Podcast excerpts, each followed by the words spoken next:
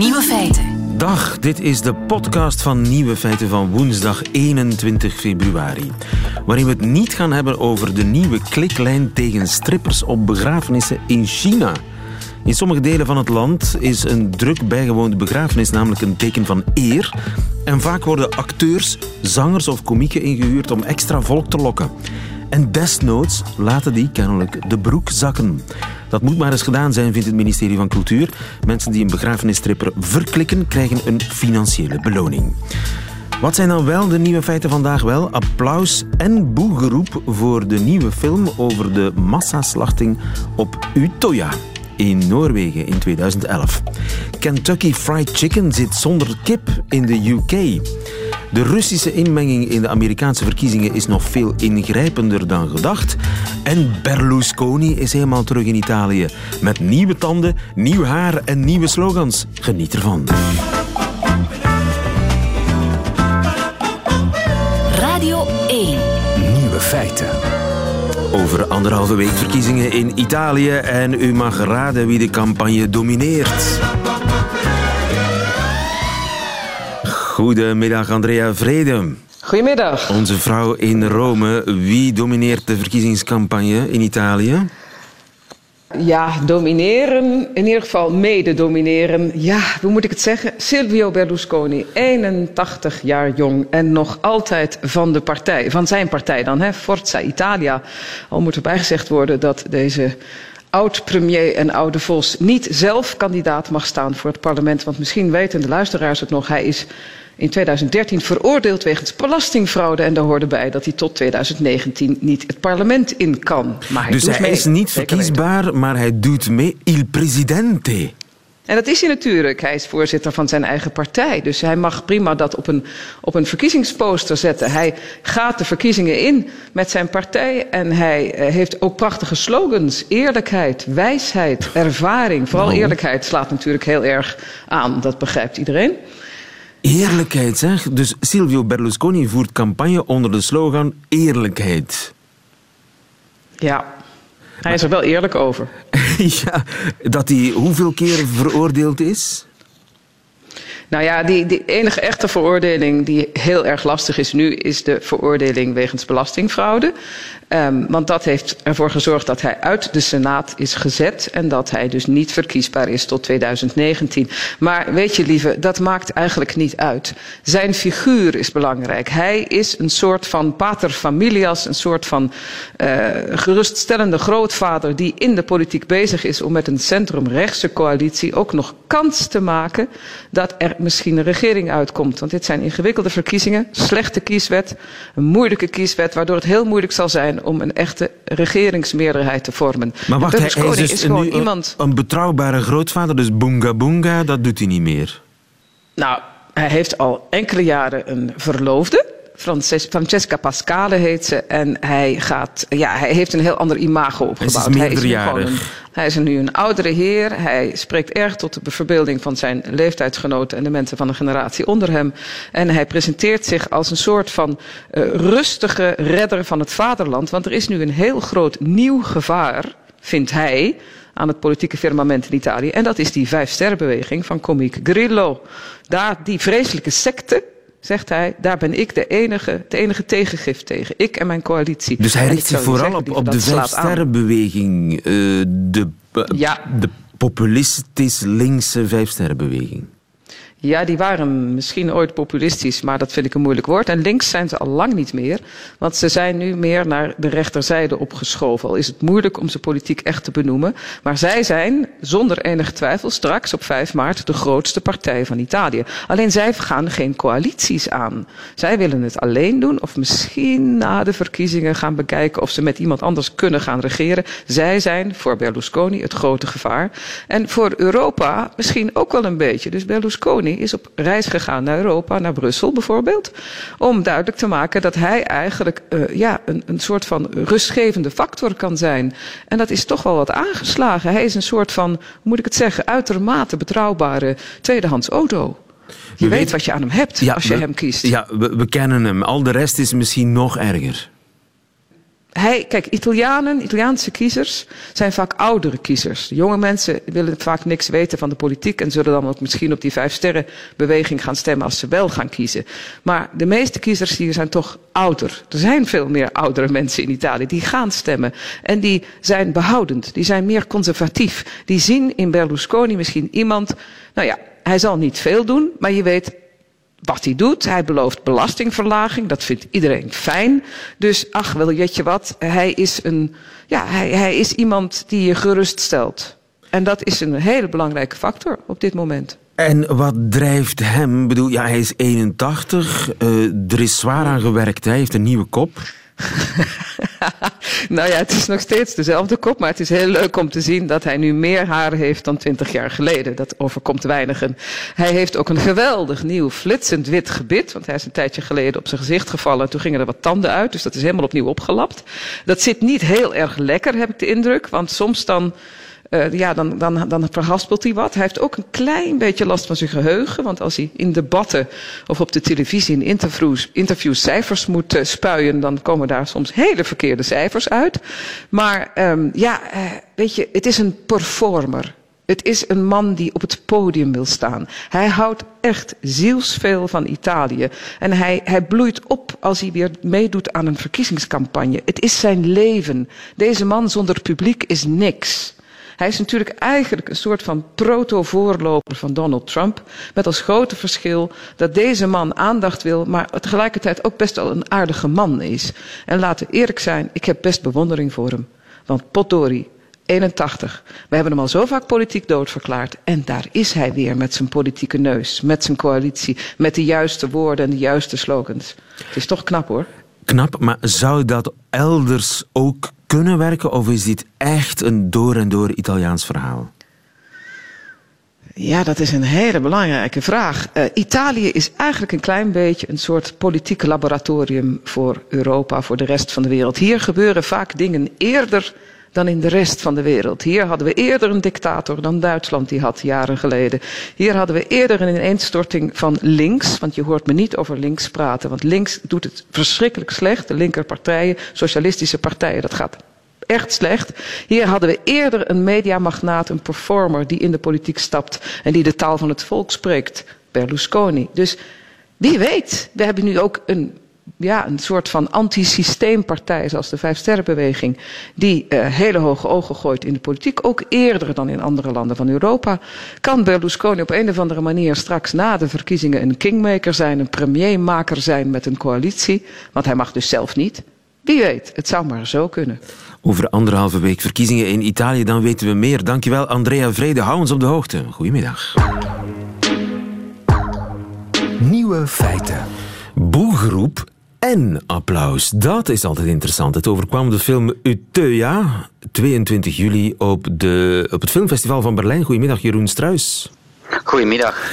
Jeroen, je bent journalist bij De Standaard en jij zag op de Berlinale de film over 22 juli 2011. Dat is de dag waarop de extreemrechtse terrorist Anders Breivik 69 slachtoffers, als ik me goed herinner, maakte op het eh, Noorse eiland Utøya.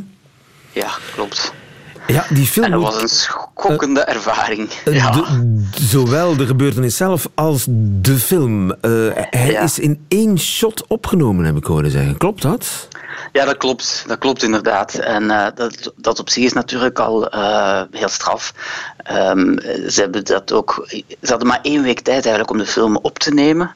En ze hebben elke dag één opname gemaakt. Dus ze, hadden, ze hebben eigenlijk vijf opnames in totaal. En één van die vijf heeft er dan uitgekozen. Dat is dan zijn film geworden. En het is dus inderdaad um, ehm, 90 minuutjes ongeveer in één stuk, één shot. Geen montage, geen muziek. En daarmee suggereert Erik Poppen ook in interviews ook, ik sprak een paar dagen geleden, dat, dat hij, de, dat is de regisseur inderdaad, dat hij uh, de kijker niet manipuleert hè, en dat hij um, maar dat is natuurlijk niet waar. Want ja, uh, het is film en het is fictie. En ze hebben een verhaal verzonnen. En ze nemen je mee op een, op een spannende, spannende ervaring. Het, is, ja, het, het, laat zich ook wel bekijken als een soort van thriller. Als je genoeg weet te distancieren van wat er natuurlijk echt gebeurd is. En dat is toch wel tijdens de film roept dat toch wel vragen op. Hè? Als je ernaast zit te kijken van, ja, kun je dat inderdaad maken om zo'n soort van... Um, Soms voelt het aan als zo'n zo'n young adult film. Hè. Zo, uh, ja, is, hij volgt echt één heldin, ja. die, hij dus, um, die hij dus eigenlijk zelf gecreëerd heeft met zijn scenaristen. Hè. Kun je dat wel maken? Dat was zo'n beetje, denk ik wel, waarom... Wacht even, en die heldin volgt... Ik bedoel, is het een soort uh, subjectief standpunt? Je kijkt vanuit de ogen van die heldin? Is, is dat het? Ja, het is niet helemaal zo uh, first-person uh, ding, hè. Zo, uh, maar je volgt wel haar, dus de camera is de hele tijd op haar gericht verlaat haar eigenlijk niet tot helemaal aan het einde. En dat 90 minuten lang, zonder één knipje erin. Dus die camera draait voortdurend. Dat moet ook een, een hels... Het is ook een krachttoer gewoon, toch? Dat is absoluut een krachttoer. En, en bijvoorbeeld, ja, de, de hele aanslag op Utoya heeft 72 minuten geduurd. En dat zie je dus ook in de film, exact 72 minuten lang met exact evenveel schoten als de schutter toen heeft afgevuurd. Dus het houdt niet op. Dat is eigenlijk het, het schokkende van de film. het, het is echt alsof je erbij bent. Tenminste, dat was de ja. bedoeling. Ja, dat is, ja, dat is ook echt het effect. En um, ja, hij zei van wat, wat thrillers dan doen, is natuurlijk, je gaat op het puntje van je stoel zitten en je wil zelfs maar verder en verder en verder gaan. Wat hij doet met deze film is niet dat eigenlijk. Dat is toch wel een nuanceverschil. Het effect dat je hier krijgt, is dat je vooral gewoon weg wil eigenlijk. Omdat het zo schokkend is. Maar natuurlijk, ja, je wil weg, maar je, je wil ook wel blijven kijken natuurlijk. Hè. Dus ja, het is een... Uh, het, het, werkt, het werkt dus wel. Het is echt uh, braakverwekkend. Ja, het werkt absoluut, ja. Op dat vlak is het absoluut een geslaagde film. Meer dan een geslaagde film is het, is best wel straf. Ik zou zeggen, er zit hier en daar misschien ja, een momentje in dat dat voor mij niet hoefde. Maar ja, het is, het is, heel, het is heel straf gedaan, absoluut. En krijg je Anders Breivik te zien? Nee, dat, is wel, dat vind ik dan wel, dat apprecieer ik wel heel hard. Um, dat, dat, hij die volledig uit de film laat. De film gaat niet over hem. De film gaat niet over een terrorist. Film, um, je, je krijgt hem nauwelijks te zien. Uh, een silhouet heel, af en, eh, heel maar, maar echt maar enkele seconden. En zijn naam wordt niet vermeld tijdens de film, zelfs niet tijdens de aftiteling. Als ik dat goed heb gezien natuurlijk, want het is, dat gaat vrij snel. Maar um, die wordt, want op het einde komen dan enkele boodschappen waarin hij ook de nadruk legt op het gaat hier om een extreemrechtse terrorist. Ja, ja. Um, maar het, alles is eraan gedaan om, om van hem geen perverse held te maken. Alles is ja. eraan gedaan om je het gevoel te geven alsof jij een van die jongeren was op dat paradijselijke eilandje. En daaruit spreekt wel een grote empathie voor de slachtoffers en de, en de, en de overlevers um, en, de, en de jongeren die daar hun leven hebben gelaten. Hè. Want de, dat is wel waar. het is een, het is een, een camera van, van empathie wel. Um, je ziet bijvoorbeeld ook hoe zij um, ja, stervende jongeren één stervend meisje nog een laatste keer, ja, laatste keer verzorgd, zou je kunnen zeggen. Ze, ze, ze redt ook een jongen die in paniek is, die, die, die zegt van je moet hier weg, je moet hier weg.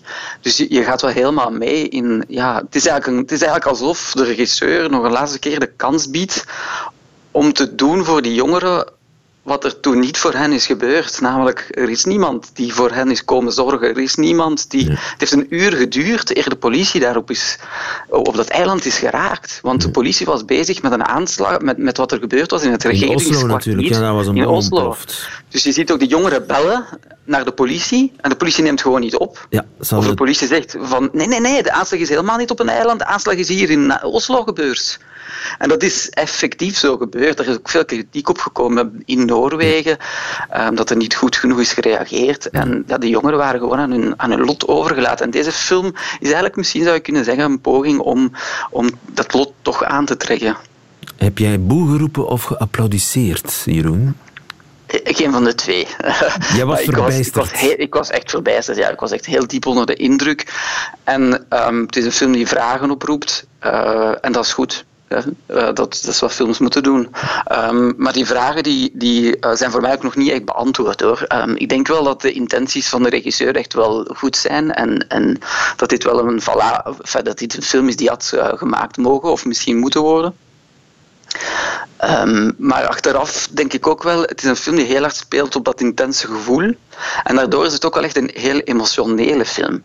En dan kun je afvragen, ja, behalve het doet iets met mij, met mij innerlijk, welke, ja, welke diepere vragen roept het in mij op dan had deze film wel gemaakt mogen worden en op die manier? Roept het, eh, doet het je ook stilstaan bij ik weet het niet, bij, bij grotere vragen over de samenleving, over terrorisme, over angst, dat weet ik niet. Ja. Ik, ik, hoor eigenlijk, ik hoor eigenlijk alleen maar positieve geluiden, Jeroen Struis. Eigenlijk tussen de regels door.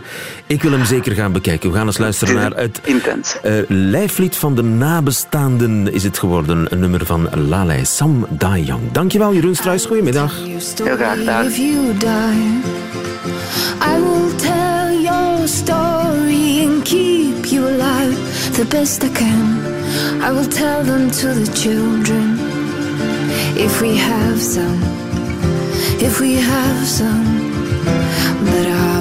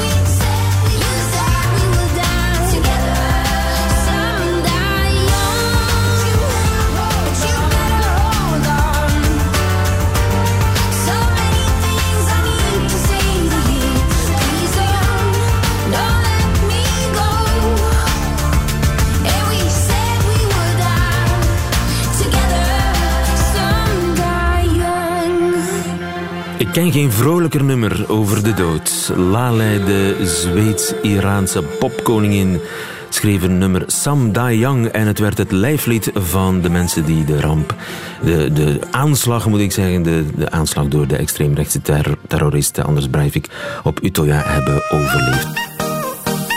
Radio 1. De, de,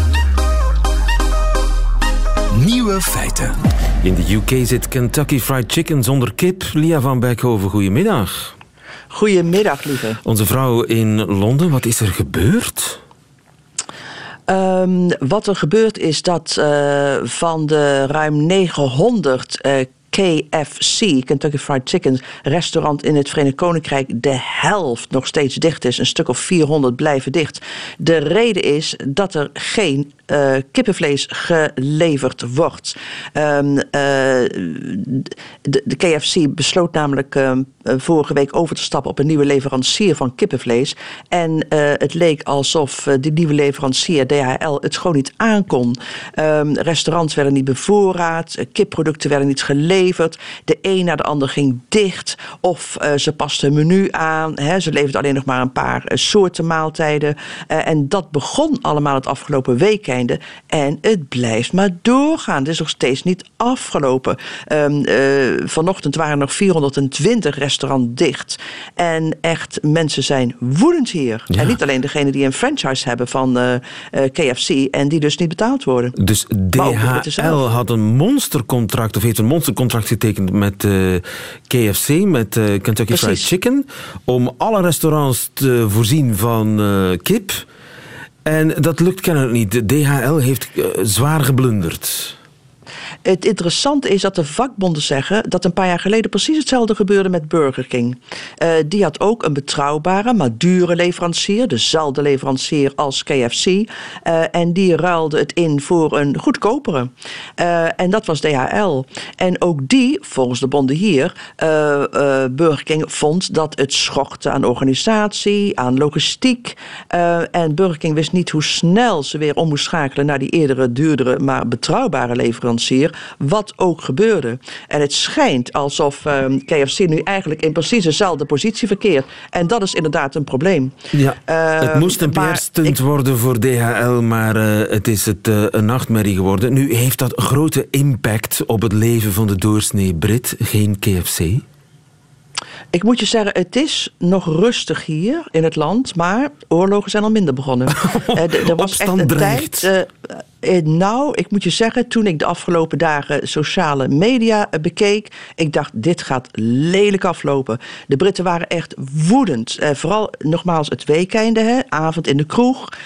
Britse traditie wil dan dat er na een paar uur doorzakken, dat er dan eigenlijk maar twee plekken zijn waar je het beste terecht kan om al, dat, dat, dat vocht weg te soppen. Dat is of de plaatselijke kebabboer of iets met kip.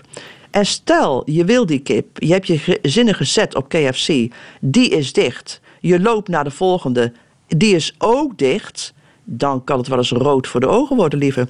Ik uh, las, ik, om je één reactie te geven, ene Daniel Watts, die schreef op Twitter... Zo gek, het idee dat we over 50 jaar tegen onze kleinkinderen kunnen zeggen... ik herinner mij de KFC-crisis van 2018. Nou, nou, en is er... Ook tekent het, ook trouwens, vond ik gisteren een oproep eh, van de politie aan Londenaren om alsjeblieft niet meer het noodnummer te bellen over gesloten KFC-restaurants. Oh Want zelfs de Londense politie, de Londense politie die zoals wij weten heel veel kan, die kan ook daar niets aan doen. En is er zicht op beterschap? Komt er, een gloort er licht aan het nou, einde van de tunnel? Nou, het is niet alsof het uh, uh, nu afgelopen is of vanavond uh, alle KFC-restaurants gegarandeerd open zijn. Um, helemaal niet. Dit kan nog een poos duren. En dat gaat natuurlijk kosten. Hè? Ehm, kijk, nogmaals, veel restaurants die opereren via een franchise. de restaurants die in handen zijn van KFC, die hebben de werknemers beloofd dat ze de gemiddelde uren die ze gemaakt hebben de afgelopen maanden betaald krijgen of hun restaurants nu open zijn of dicht. Maar als je een van de 24.000 KFC-werknemers bent in Groot-Brittannië en je werkt voor een franchise, dan zou je best wel eens niet betaald kunnen worden. En ja, dat kan natuurlijk niet. En bovendien, het kost ook op ander gebied. Um, sommige wilde schattingen, ik, ik weet niet hoe je dat moet schatten, maar sommigen zeggen dit gaat KFC 1 miljoen per dag kosten. Nogmaals, dit is allemaal giswerk. Um, uh, maar het punt is natuurlijk, KFC is niet de enige uh, kip- en frietzaak uh, in het land. En er zijn nogal wat mensen die in de nood der wanhoop um, uh, de concurrent geprobeerd hebben. En dat is niet slecht bevallen in sommige gevallen, lieve. Een en soms zelfs heel goed. Een keerpunt dus het in sommige levens. Ja, en dan gaat KFC merken. De KFC-crisis in uh, volle gang in Engeland. Dankjewel, Lia van Beckhoven. Goedemiddag.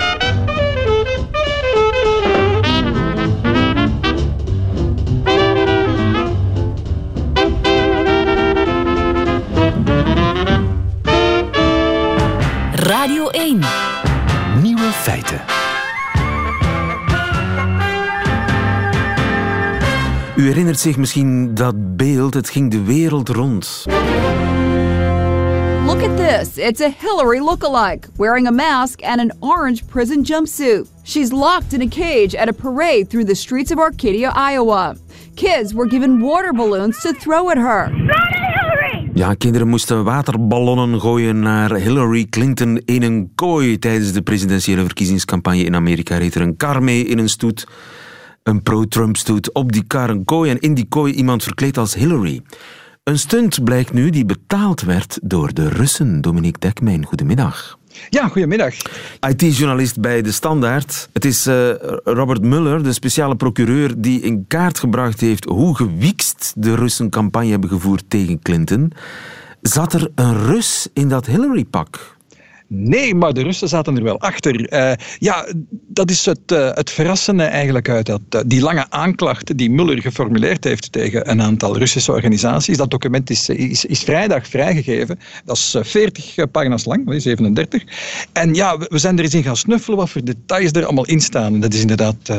Ja, verrassend allemaal. Dus en de Russen een... betaalden iemand om in een Hillary-pak in een kooi rond te rijden? Ja, ze zijn die gaan zoeken. Ze hebben wat uh, met, met mogelijke kandidaten uh, gepraat. En ze hebben uiteindelijk iemand in dienst genomen en betaald. Ze hebben ook uh, iemand gezocht die die kooi zou kunnen maken. Die kooi is ook op kosten van de Russen gemaakt. En nog een extra detail. Die man had het dan blijkbaar heel goed gedaan. En ze hebben hem dan later, diezelfde persoon, nog betaald. Want de, oorspronkelijk was dat in Florida. En ze hebben diezelfde mens blijkbaar gevraagd om naar New York te vliegen voor een andere betoging en het daar nog eens te doen. En die man wist dat hij door Russen betaald werd?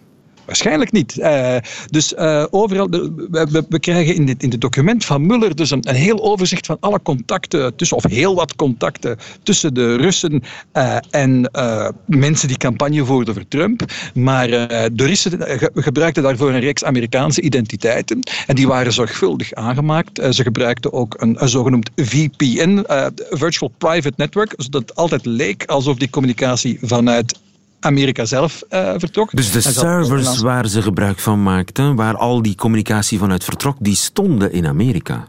Ja, ze waren speciaal servers gaan huren in de VS. Uh, eh, ja, het was allemaal heel professioneel aangepakt. Dat is eigenlijk vooral uh, wat opvalt, de grootschaligheid hè, van die hele campagne.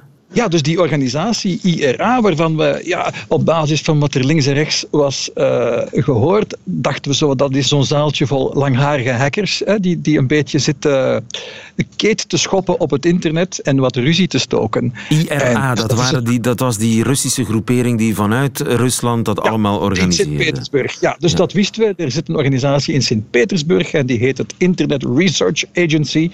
En ja, die hebben zich daarmee bezig gehouden. Maar dus het beeld dat we ervan hadden is van, ja, dat is een zootje ongeregeld, die min of meer misschien aangestuurd worden vanuit het Kremlin, maar die gewoon wat, wat, wat te schoppen. Een beetje de troll uithangen op het internet, was het idee. Qua jongens. En, ja, Voilà, en tegendeel is, waar. Dus dat blijkt om een organisatie te gaan met op een bepaald moment enkele honderden mensen in dienst, waarvan er zeker een tachtigtal specifiek uh, met dit uh, project Translator, want het heet, heette zo, Project Translator was dan de, bemoeienis in de, in de Amerikaanse verkiezingen.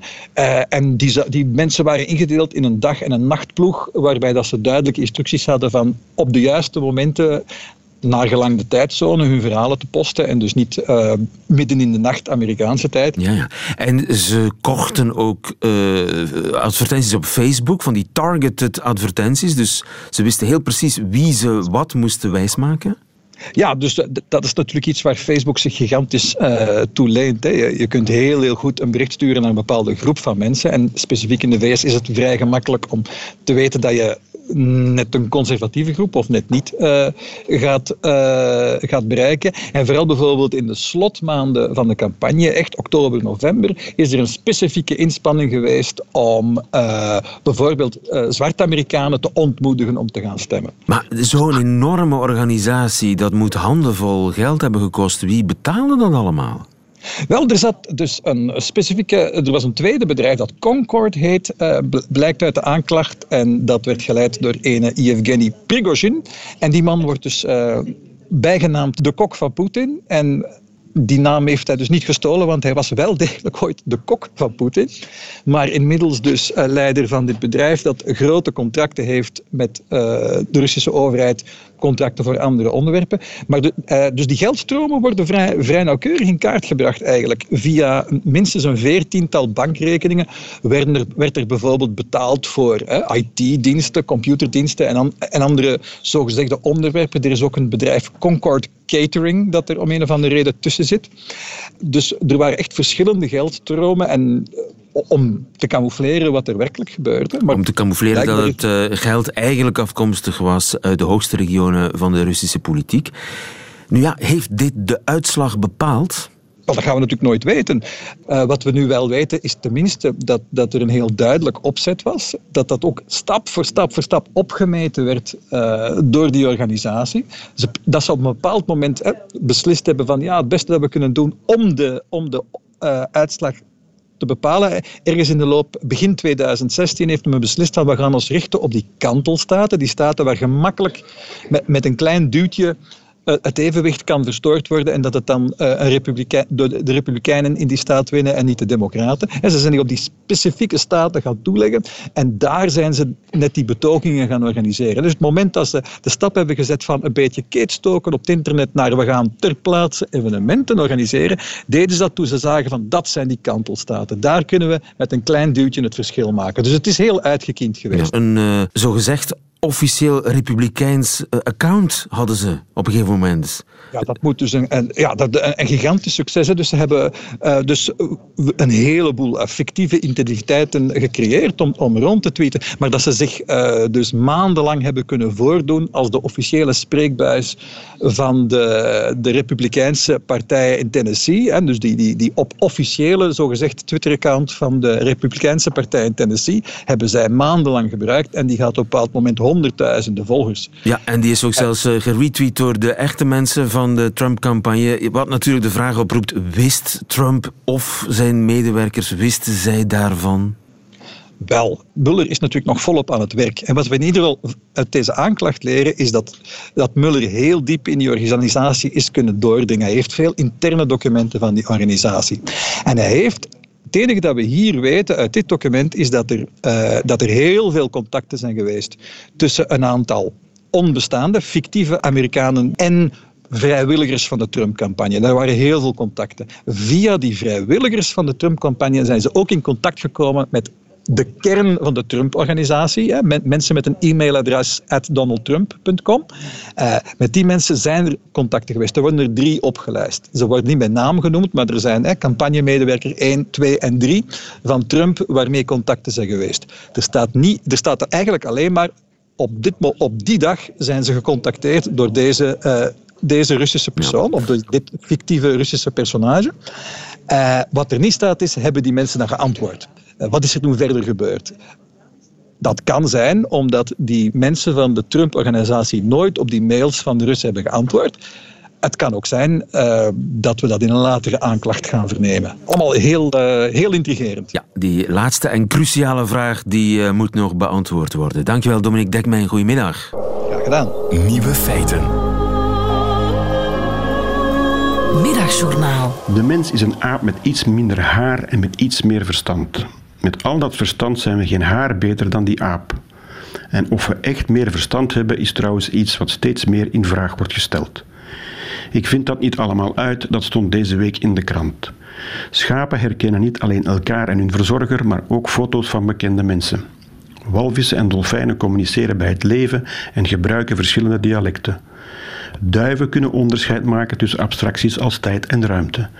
Dat kan ik na een halve fles wijn al niet meer. Laat staan na een glaasje Belgium. Kraaien maken werktuigen, inktvissen herkennen menselijke gezichten. Olifanten weten dat ze naar zichzelf kijken als ze voor een spiegel staan. En ratten kunnen spijt hebben van hun beslissingen. Waarmee alweer bewezen is dat er in de politiek, in tegenstelling tot wat velen denken, geen ratten werkzaam zijn. Dat stond dus deze week allemaal in de krant. Lang werd gedacht dat de mens zich door zijn unieke mentale vermogens onderscheidt van alle levende wezens op aarde. Dat klopt niet helemaal. Er is een verschil, maar het is niet zo dat we daardoor beter zijn dan de doorsnee kraanvogel.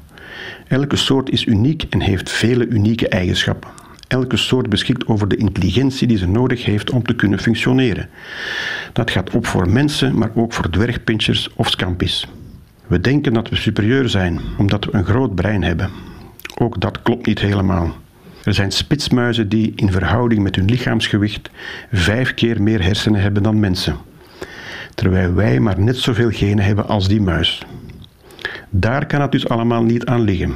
Dat leerde Darwin ons al, maar we wilden toen al niet luisteren en nu nog altijd niet. Dankzij het geloof denkt men dat de mens het eindpunt is van de evolutie, de blinkende volmaakte kroon op de schepping. Terwijl het zo'n carnavalskroontje blijkt te zijn dat na drie dagen alaafs in de goot wordt teruggevonden in Nieuwerkerken bij Aalst. De mens kan dankzij zijn grotere sociale intelligentie kennis verzamelen die van generatie op generatie wordt doorgegeven. Daarvoor moeten de mensen wel samenwerken. Nieuwe studies bewijzen dat de bonobo's veel beter samenwerken dan de mensen. En ze voeren geen oorlog. Ze rijden niet rond in vervuilende diesels. Ze bombarderen Syrië niet. Ze geloven niet in God. Ze geloven niet in Allah. Ze hebben geen cocaïneprobleem. Ze hebben geen verkeersdoden. En ze kennen niets van de nationale interestaftrek of van de taalwetgeving. Tel uit je winst.